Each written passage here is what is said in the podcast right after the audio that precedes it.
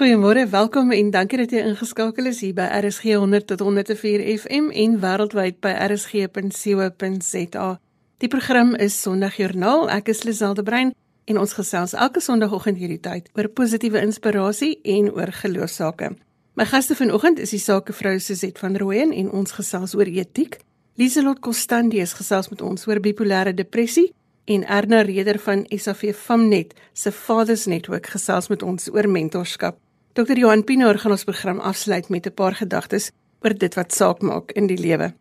Jy kan saamgesels per SMS by 45889 teen R1.50 per SMS of jy kan vir 'n boodskap gaan los op ons Facebookblad. So dis nie net ons gaste wat saamgesels nie. Jy het ook die geleentheid om vir ons te laat weet hoe jy oor geloof dink. Ek sê sommer vroeg al dankie vir al die SMS'e oor die afgelope paar weke. Ons leer regtig so baie van julle oor dankbaarheid. En so van dankbaarheid gepraat, ek is dankbaar dat my broer vanoggend nog 'n verjaarsdag kan vier. So lekker verjaar Niels. Ek hoop jy het 'n koppie koffie om nader te trek en saam te kuier vanoggend.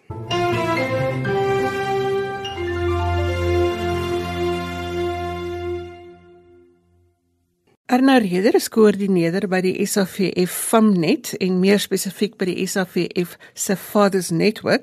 Ons gesels vanoggend oor mentorskap en hoe dit die wêreld kan verander. Goeiemôre Erna. Môre Lisel en dankie vir die geleentheid. Erna, 65% van Suid-Afrikaanse kinders word sonder paas groot. Hoekom dink julle mentorskap kan gemeenskappe en ook ons land verander?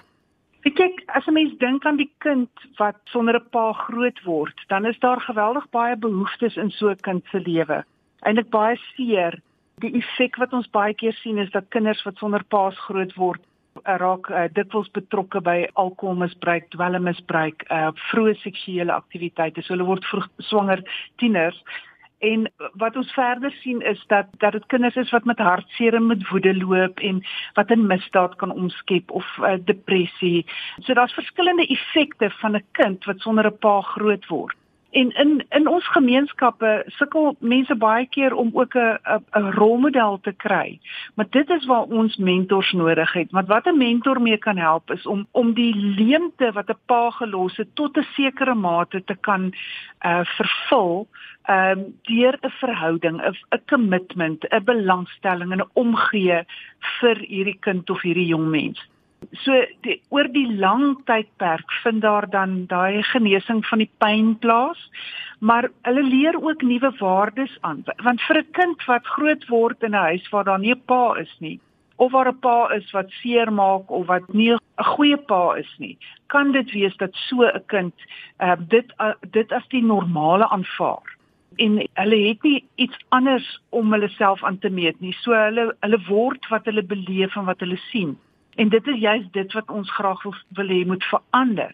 So in 'n mentorskapverhouding leer hulle van iemand wat 'n langtermynverhouding met hulle loop, wat vir hulle nuwe goeie waardes aanleer, wat vir hulle 'n klankbord is wanneer daar dinge is waarmee hulle sukkel in hulle eie lewens, wat hulle, net vir hulle daai koers aandui van hierdie hierdie is die pad om te gaan. Omdat daar baie dinge is wat 'n kind, 'n paalose kind net nie weet nie en net nie nie nie van nature reg sal doen nie, kom daar dan 'n mentor in wat net 'n bietjie beter manier aanwys. Ehm um, en dit is wat mense 'n individu kan kan begelei tot verandering, tot positiewe verandering dan het dit 'n effek op die gesin en dit het op die ou en toe effek op die gemeenskap en as meer gemeenskappe daardeur verander word uiteindelik het dit dan ook daai effek op die op die hele land. Erna, dink jy dat geloof 'n rol kan speel op hierdie pad van mentorskap?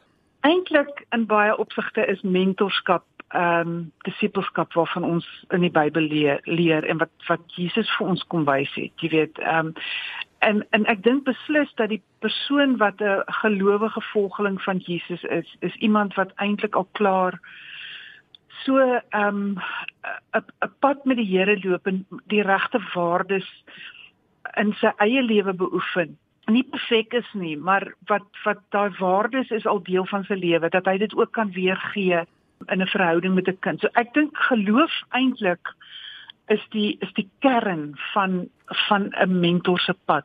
Dis interessant genoeg ons het ek ek werk nou vanuit Fathers Network, maar ons het vanuit Fathers Network het ons begin met Samnet wat die Suid-Afrikaanse mentorskap netwerk is. En die mentorskap organisasies wat ons betrek het in daai netwerk. Toe ons met mekaar begin praat, te sien ons maar elke een van hulle is is iemand wat 'n wat 'n toegewyde volgeling van Jesus is. So vir hulle is daar 'n geloofspad en dit is die pad wat ons ook wil deel met met met kinders en jong mense wat 'n bietjie verward is in hulle eie lewe. Jy noem nou kinders en jong mense, maar wie het nodig om gementor te word? Dink baie van die mentorskap op die oomblik is gemik op kinders, maar dis nie net kinders wat dit nodig het nie. Daai daai kind word 'n jong mens uh waar hy waar hy keuses, groter keuses begin maak en as hy 'n mentor het wat hom kan help, dan is dit dan is dit goed, maar volwassenes ook. Ehm um, vir wanneer wanneer jy 'n ouer begin word. Ehm um, veral wanneer jy nie self 'n rolmodel gehad het van ouer goeie ouerskap nie um, is dit goed om 'n mentor te hê wat vir jou kan leiding gee en wat vir jou antwoorde kan kan gee op dit waarmee jy sukkel ek dink selfs ek en en ons praat nou ons ons vier nou op die oomblik in November internasionale mansdag so baie van wat ons nou doen hier rondom gaan oor ehm um, mans en seuns. Ehm um, maar dit geld ook vir vrouens en dogters want as ek as 'n dogtertjie sonder 'n ma 'n pa groot geword het, dan weet ek nie hoe belangrik is 'n pa in 'n kind se lewe nie en kan ek teen 'n volwasse vrou word en nie die die man in my lewe die plek gee wat hy verdien binne sy gesin en ook teenoor sy kind nie. So selfs vrouens en dogters het dit nodig. Ek dink 'n mens kan selfs dink aan uh, ek het fokus op 'n family op 'n stadium nogal 'n sterk fokus gehad op gesinne wat mentors vir mekaar is of huwelikspare wat wat mentors vir mekaar is. Ek Jaco van Skalkwyk van Character Company sê altyd elke persoon behoort 'n mentor te hê en behoort 'n mentor te wees. So eintlik is dit is dit soort van in 'n neutedop is dit eintlik maar die antwoord. Baie ware woorde. Nou Erna, ek weet julle is gedurig besig met opleiding. Hoe het COVID tyd dit verander en en hoe kom julle nou by hierdie mentorskap opleiding uit? My spesifieke rol is die rol van 'n koördineerder weer eens van 'n klompie organisasies. Ehm um, so dit was nogal vir 'n hele paar van ons organisasies 'n 'n groot uitdaging om regtig aan te gaan met mentorskap. Baie het maar deur middel van Zoom gesprekke mentorskap beoefen. Ehm um, ons ehm um, Ben Maree van Ambassador Football was hulle slag op jou program en hy het uitgesê dit was so moeilik want hy het die mentorskap deur sokker en hulle kon nie regtig sokker beoefen oor 'n baie lang tydperk nie en dit het dit nogal moeilik gemaak. So dan het hulle maar daai individuele gesprek of oor die telefoon of oor Zoom of op 'n ander manier probeer ehm um, voortbou daarmee Maar dit is 'n groot groot frustrasie op hierdie stadium uh vir baie van ons mentorskaporganisasies, ons leiers om om regtig by uh, voort te gaan met mentorskap op 'n bevredigende manier.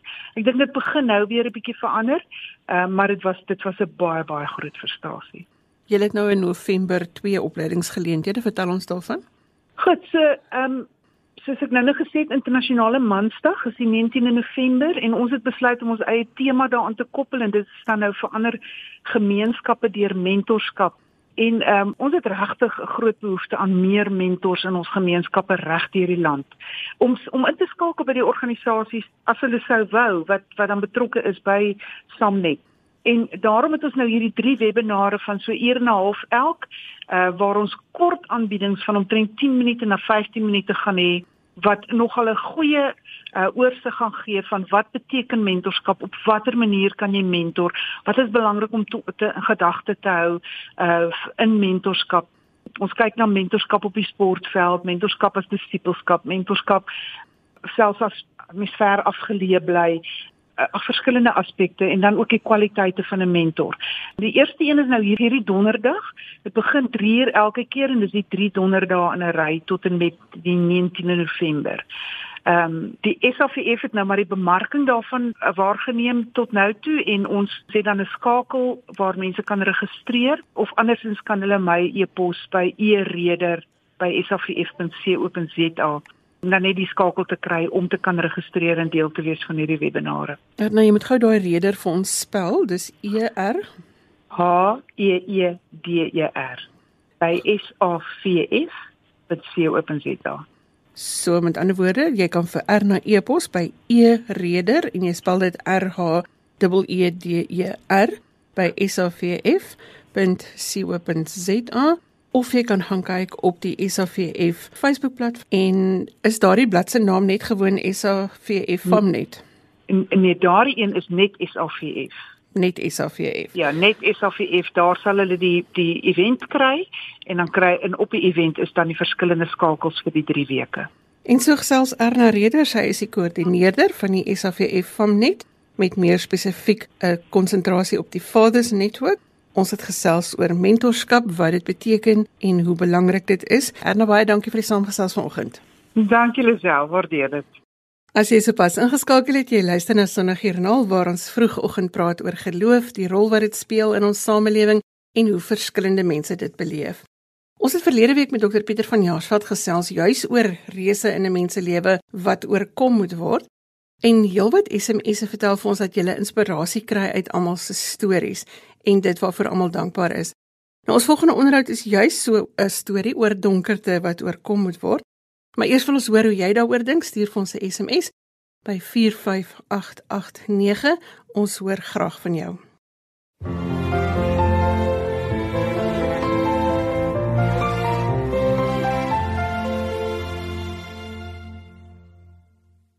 Lieselot Costandies woon op Wellington in die Wes-Kaap en ons gesels vanoggend oor die reus van bipolêre depressie in haar lewe en hoe sy daarmee saamleef. Goeiemôre Lieselot. Goeiemôre Lisel, wat 'n voorreg om met jou te praat. Wanneer het jy bewus geword dat jy aan bipolêre depressie ly en hoe dit jou lewe beïnvloed? Dit was 'n aanloop. Dit het nie net sommer gebeur nie. Ek was baie jonk geweest, omtrent so 5 of 6. Ek besef ek iets iets is anders met my. Ehm um, dat ek is geweldig sensitief en wat mense ook al vir my sê, het ek baie meer intens gevat as wat die ander mense dit ervaar het of wat ander kinders ervaar het. En omtrent so van 8, 9 het ek bewus geraak van ek ek was geweldig huilerig. Dit het nie eens geweet wat angs beteken nie, maar ek het my maak gesê dit gevoel of my of ek meer my vasdruk en ek kan nie asem kry nie. En toe het ek ook van skole verander en in daai week toe ek begin by my ma te slaap by hulle in die bed.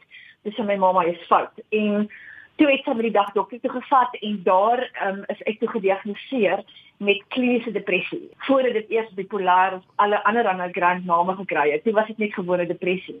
Maar soos dit aangegaan het in 1999 2000 toe dit heeltemal anders geruk het op universiteit is en toe is ek gediagnoseer daarna met major en toe gaan dit oor 'n bipolêr in en dit het my lewe verskriklik beïnvloed.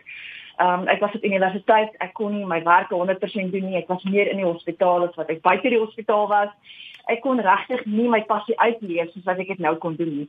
So dit was dit was in daai tyd was baie negatief. Dit was glad nie goed in my lewe nie. Glad nie. Dis al met jou ma het 'n baie belangrike rol in jou lewe gespeel. Ja, sy het sy was die een wat vir my altyd gesê het, al voel ek hoe en dan ervaar ek wat, moenie laat my my gemoed of my beïnvloed dat ek nie my passie kan uitleef nie. En sy het ook geglo dat ek iets makkeer, waar die dokters my gesê het, maar ek moet hier niks. Hulle kan ek sien in my, hulle kan niks ervaar aanvoel nie.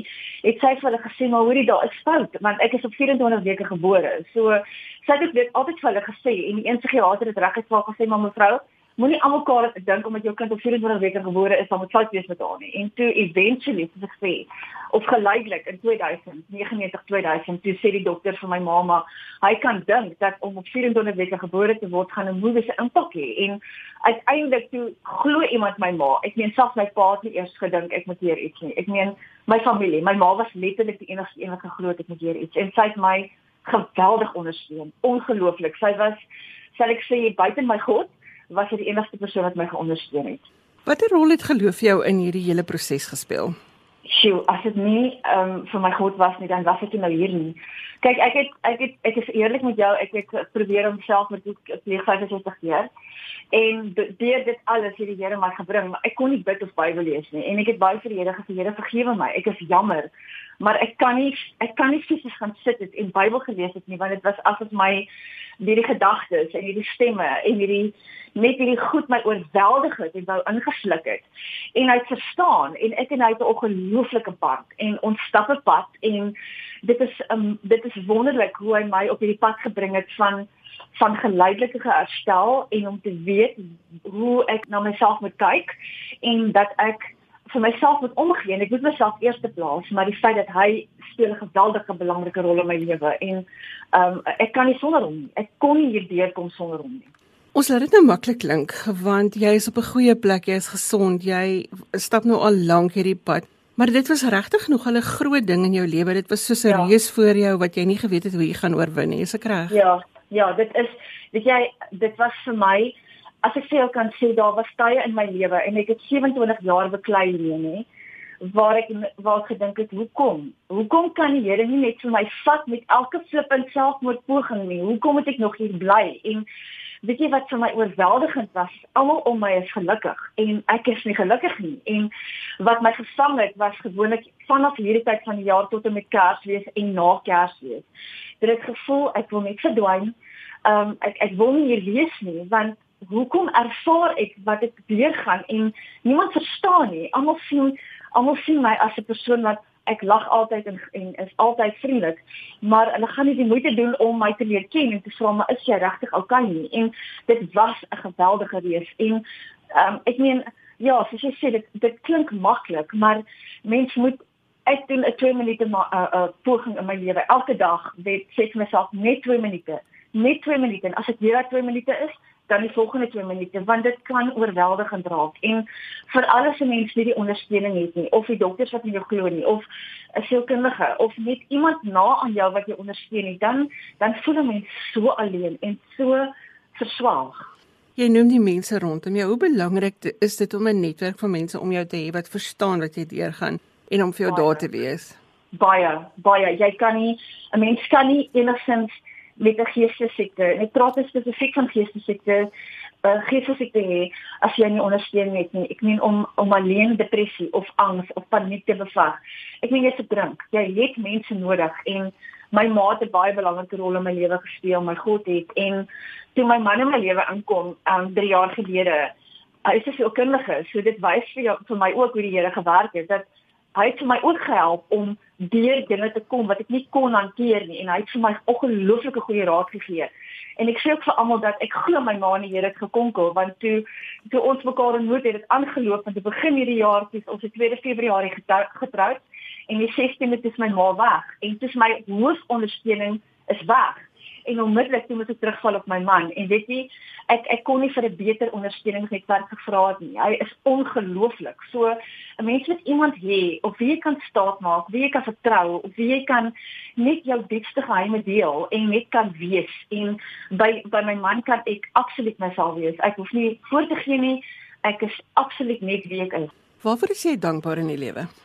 Sjoe ek is dankbaar dat ek weer kan sing dat ek weer kan kan opstaan en sê Here, gebruik my en ek kan my mond oopmaak en ek kan sing. Ek kan doen wat ek wou doen my hele lewe lank vandat ek 3 jaar oud is en dit is om te sing. Jy is ook 'n musiekonderwyseres.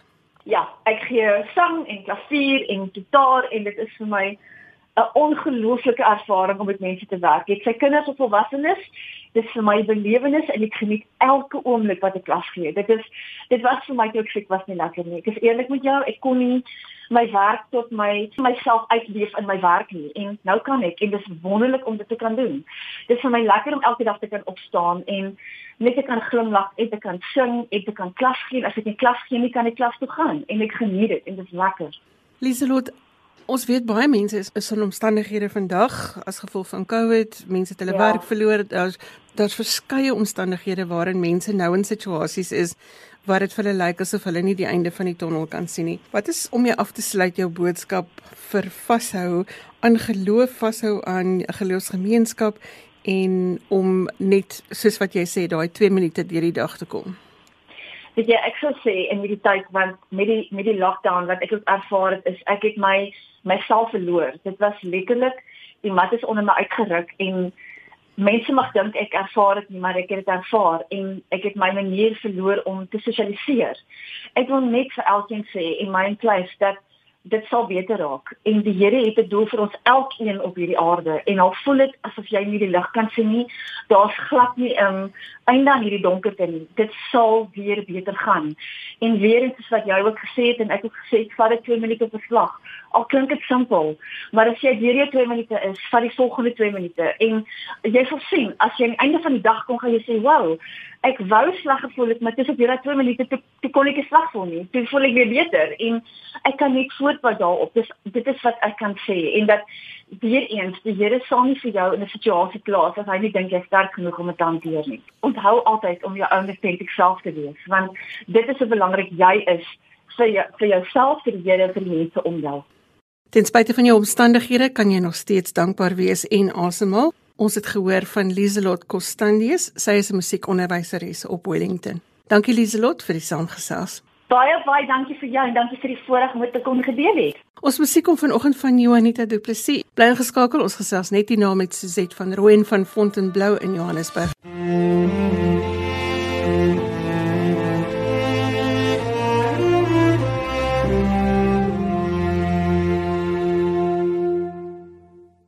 Suzette van Rooyen is 'n luisteraar van Johannesburg wat daagliks werk met dinge rondom etiek en daar is geen beter tyd as nou om oor etiek te praat nie. Goeiemôre Suzette. Goeiemôre Lisel en goeiemôre aan al die luisteraars. Sien net eers gou vir ons in 'n nette dop wie is Suzette van Rooyen? Lisel, ek het in die Vrystaat groot geword en toe in die vroeë 90's het Johannesburg my huis geword. So nou uh, woon ek hier. Ek is 'n uh, beleidende lidmaat uh, by Fontainebleau Gemeenskapskerk in Fontainebleau Johannesburg. Ek werk al vir die laaste 30 jaar um, in Johannesburg. So hierdie is nou my huis. So Fontainebleau is dan nou ook ons koneksie en waar ons met jou kennis gemaak het. Etiek is nie 'n woord wat almal ken nie. Verduidelik vir ons die konsep. Wel, etiek gaan in kort in 'n neutedop oor ons morele kompas. Ehm um, dit gaan oor hoe hoe neem ons as mense besluite? Hoe struktureer ons ons lewens? Maar dit gaan nie net oor die individu of oor net myself nie. Dit gaan oor hoe hoe neem ek daai besluite in ag genome dat ander daarbey betrokke is. En die verhouding tussen ehm um, myself en die mense rondom my.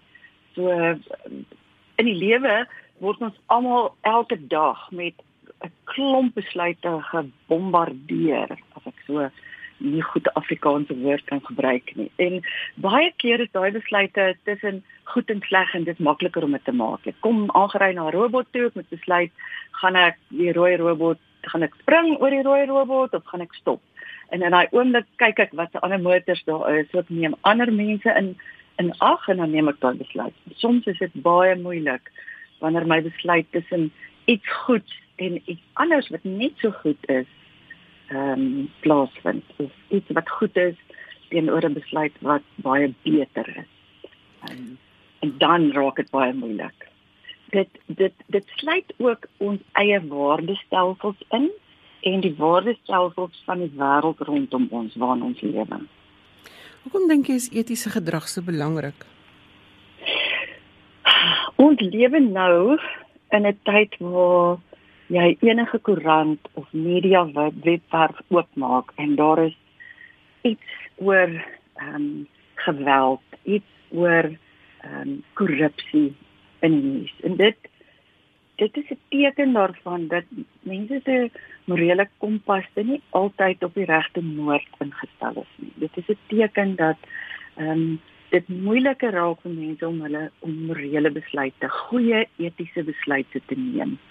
Ehm um, in besighede werk ons hard om etiek ehm um, deel van die kultuur van die maatskappy te maak. So wat ons in besighede doen is ons het code of conduct of ons het beleide vir gedrag, ons het waardes. Ehm um, ons het nou gaan ek twee Engelse woorde gebruik. Ons het policies en standing operating procedures in 'n in 'n maatskappy is daar baie vasgestelde riglyne oor hoe die maatskappy wil hê hulle werknemers uh, moet optree. Ehm um, daar's groot beleide oor ehm um, teen korrupsie en wat korrupsie in besighede is. Maar etiek raak nog meer belangrik wanneer ons en dit is net so belangrik wanneer ons nie by die werk is nie, wanneer ons nie in ons kantore sit nie.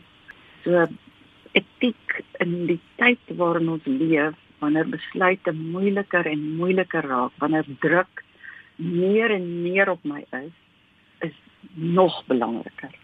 Soos ek sien nou veral op sosiale media en ek dink sosiale media is 'n groot gat waarin almal val wanneer dit kom by etiek. Niemand om ons is eties nie. Kan ek nou maar besluit dit moet my pad bepaal of of hoe werk dit?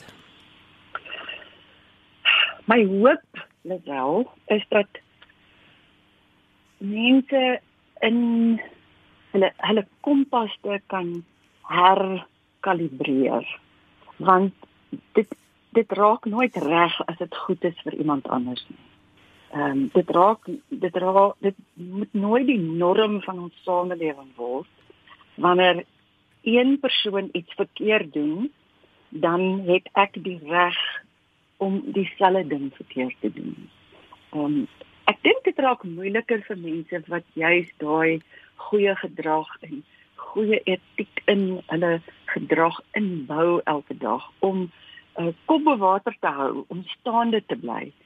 Miskien raak dit vir baie mense ook juis makliker om so tyd wanneer jy duidelik kan sien daar's baie mense en baie mense rondom ons wat nie goeie gedrag handhaaf nie, wat nie die reëls nakom nie, wat nie die wette van die land nakom nie, wat regtig net sake in eie hande neem.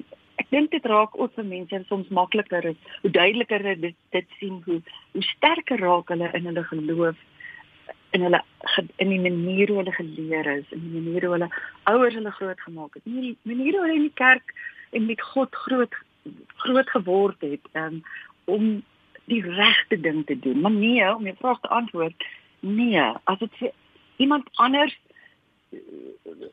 wat nie op 'n etiese manier optree nie. Vir iemand anders wat nie ander mense se gedrag in ag neem nie.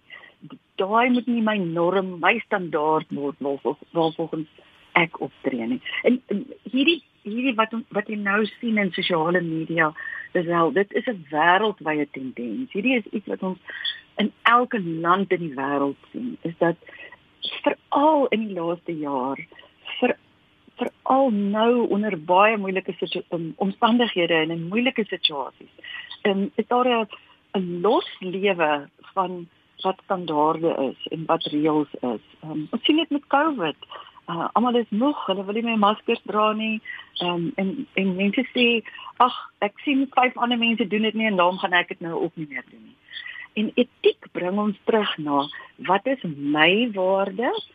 Wat is die keuses wat ek maak en hoe beïnvloed dit die mense rondom my? Soos ek het ons se ligweg geraak in geloof, watter rol speel geloof hmm. in jou lewe? Kan ek eers aanhaak met etiek en geloof? En iets wat die jas wat vir my die maklikste gesit het toe ek in ehm um, in 'n rol met etiek betrokke geraak het in my loopbaan was dat dit vir my gevoel het ek doen 'n werk wat my eie persoonlike Christelike norme en waardes inkorporeer. Want wat ek in my vader se se handleiding vir my lewe, my vader se code of conduct so te sê, ehm um, die Bybel sien, is wat ek in etiek sien. Ehm um, God se woord gaan oor ehm um, uh, riglyne vir hoe om te leef. God se woord gaan oor ehm um, hy het vir my 'n code of conduct gegee. Hy gee vir my maniere om op te tree. Um, Jesus leer ons hoe om met ander mense um, te werk, hoe om myself diensbaar vir ander mense te stel en hoe om die besluite wat ek vir myself neem om ander mense in ag te neem daarmee. Hy sê wees eers lief vir God. En dan sê hy wees lief vir ander mense soos wat jy vir jouself is. So vir my is daai die basis van etiek. Daar daar lê die basis van etiek. So jou vraag is watter rol speel geloof in my lewe? Dit raak al die moeilike vrae om te antwoord hoe ouer ek raak, want ek weet nie meer wat die alternatief is nie. Ek kan nie meer buite 'n verhouding met God my lewe indink nie. Ek kan nie meer buite 'n uh, disipelskap en kristendom myself 'n prentjie van myself hê. Ehm um, beteken dit ek kry alles altyd reg? Nee. Nee nee, ek is 'n mens, ek val, ek maak groot foute. Ek um, my gedrag is soms ook nie weersprekend van God se riglyn nie. Maar die genade van geloof lê juist daarin dat Jesus vir ons 'n plek gee waar ons weer kan begin. Waar ek weer kan begin met ander mense, waar ek weer kan begin met hom, waar ek elke dag nuwe vars genade het en nuut my lewe kan begin. Ehm um, soos wat ek in my werk probeer om mense te oortuig dat hulle elke dag nuut hulle etiese kompas, hulle morele kompas her moet instel en vir dag goeie besluite neem. Ek hoop daai antwoord jou vraag. Ek, ek glimlag want dit is 'n moeilike een om te antwoord. En 'n maklike een. Ek wil gou vir 'n oomblik stil staan ons het so 'n minuut oor oor hoe dink jy oor dankbaarheid? Watter rol speel dit in jou lewe? Dankbaarheid is juis daai ding wat maak dat as die wêreld swaar druk op my skouers, as ek ehm um, luister hoe swaar dit met die boere gaan, oor plase wat afbrand, ehm um, as ek oor van geweld in die land dan is dankbaarheid iets wat my oë oplig uit my eie situasie uit en en my my seëninge laat tel oor en oor hoeveel seëninge God um my mee um bestrooi. En dit laat my weer van niets af fokus op ons Vader wat my saggies in sy hand vashou en Jesus um wat my leer hoe om te lewe. Pieter kan ons dit nie stel nie, Suzet van Rooyen is 'n uh, lidmaat by die Fontainebleau Gemeenskapskerk. Dis baie dankie dat jy vanoggend jou gedagtes met ons gedeel het. Baie dankie Lisel, 'n lekker dag verder vir jou.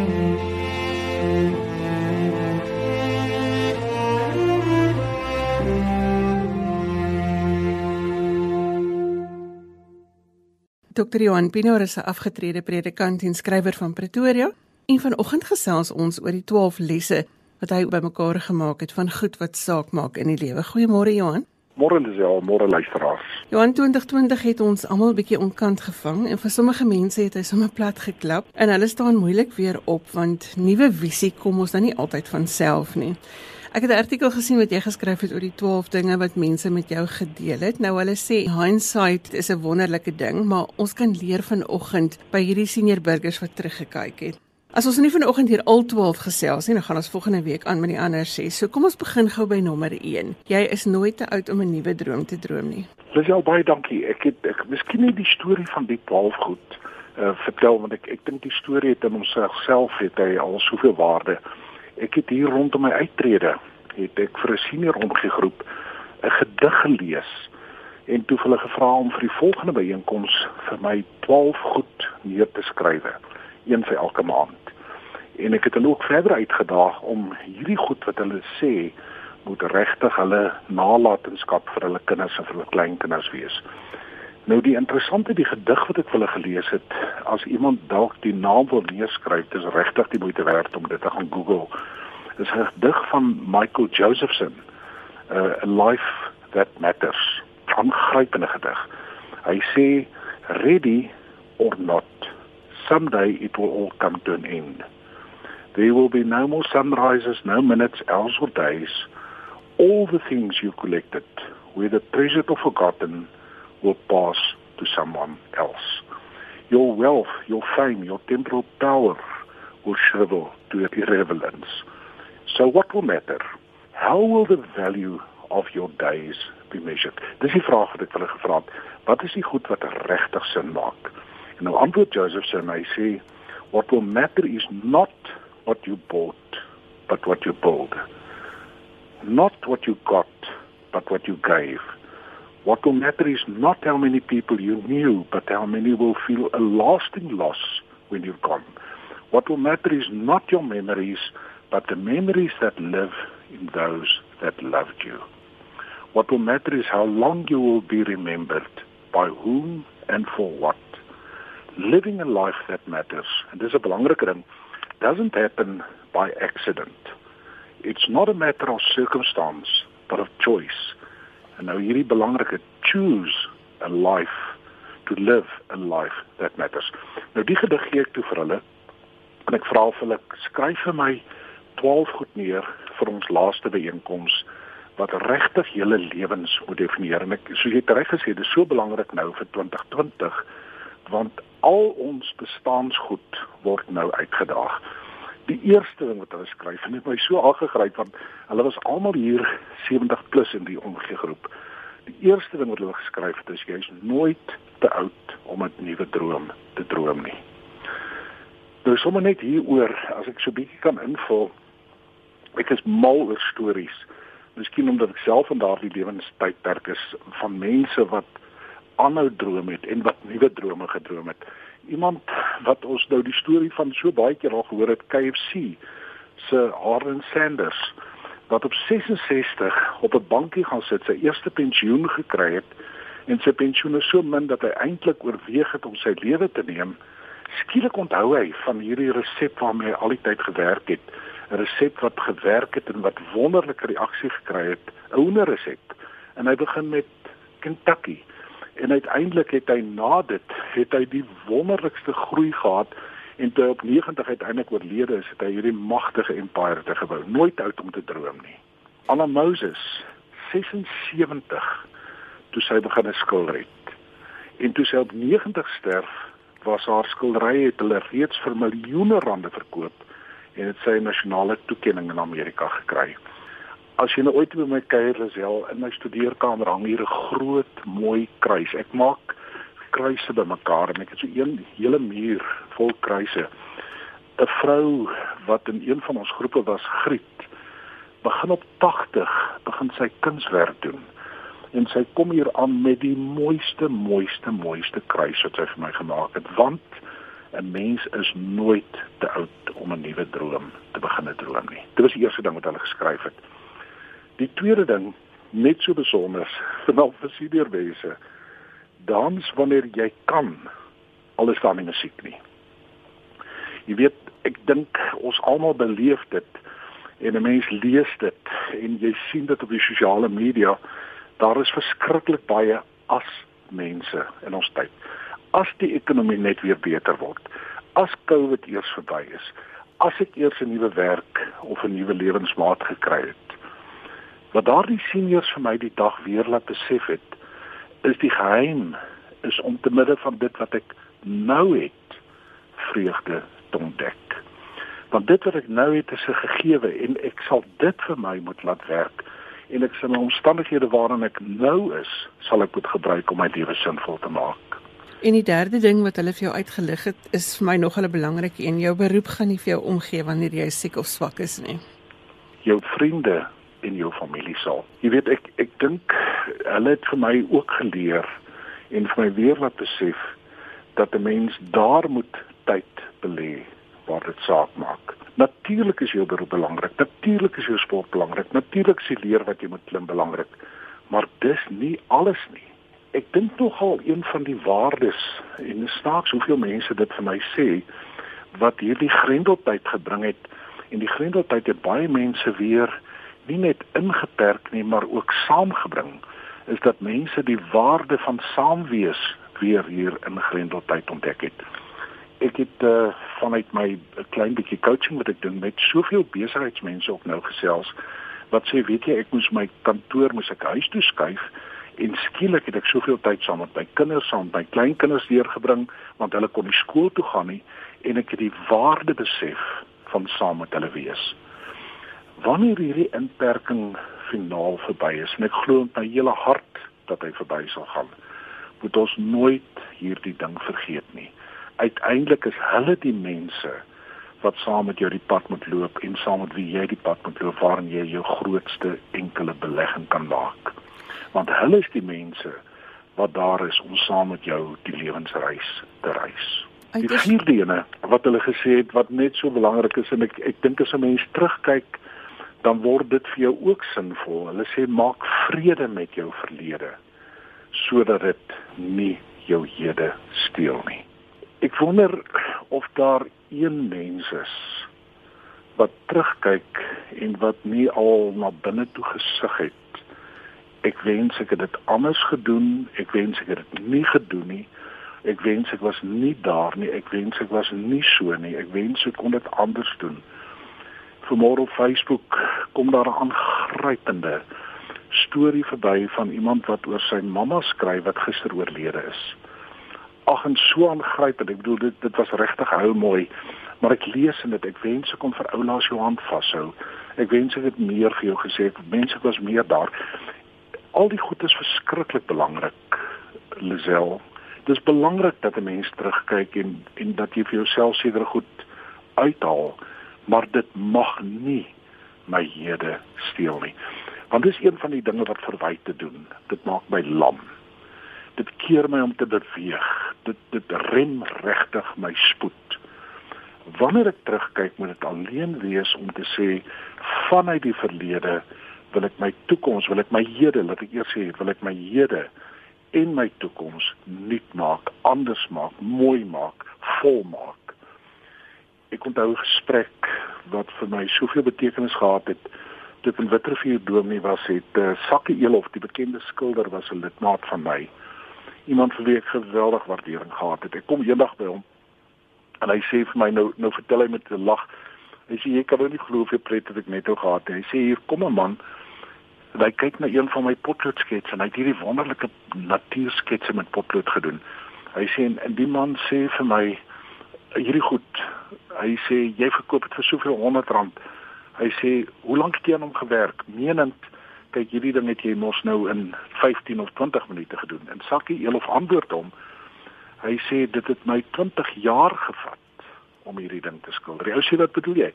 Hy sê nee, ek het op soveel plekke en oor soveel tye soveel lesse geleer om uiteindelik hierdie te kan skilder. Dis die waarde van die verlede. Die verlede is daar net om my te help om my nou en my hier regtig sinvol te maak. Johannes moet groet vir vanoggend, maar ons gaan volgende week hierdie gesprek voortsit want daar's nog 'n hele paar belangrike goed waaroor ons moet praat oor die dinge wat saak maak. Baie dankie vir die saamkuier vanoggend. Dankie Lisel. En op daardie dankbare noot moet ons groet. Jy kan weer na die onderhoude luister by rsg.co.za. Jy moet gaan soek onder Sondagjoernaal met vandag se datum. My gaste vanoggend was Suzette van Rooyen en ons het gesels oor etiek. Lieselot Constandius het vertel van haar pad met bipolêre depressie en Erna Reder van SAV Famnet het gesels oor mentorskap. Dr. Johan Pinaar het ons program afgesluit met 'n paar gedagtes oor dinge wat in die lewe saak maak en hy gaan volgende week verder met ons oor hierdie onderwerp gesels. Tot volgende week groet ek en Neil. Onthou, 'n vriendelike woord en 'n glimlag kos jou niks en 'n glimlag is die kortste pad tussen twee harte. So deel dit mildelik uit. Volgende Sondag maak ons weer so. Tot dan, totsiens.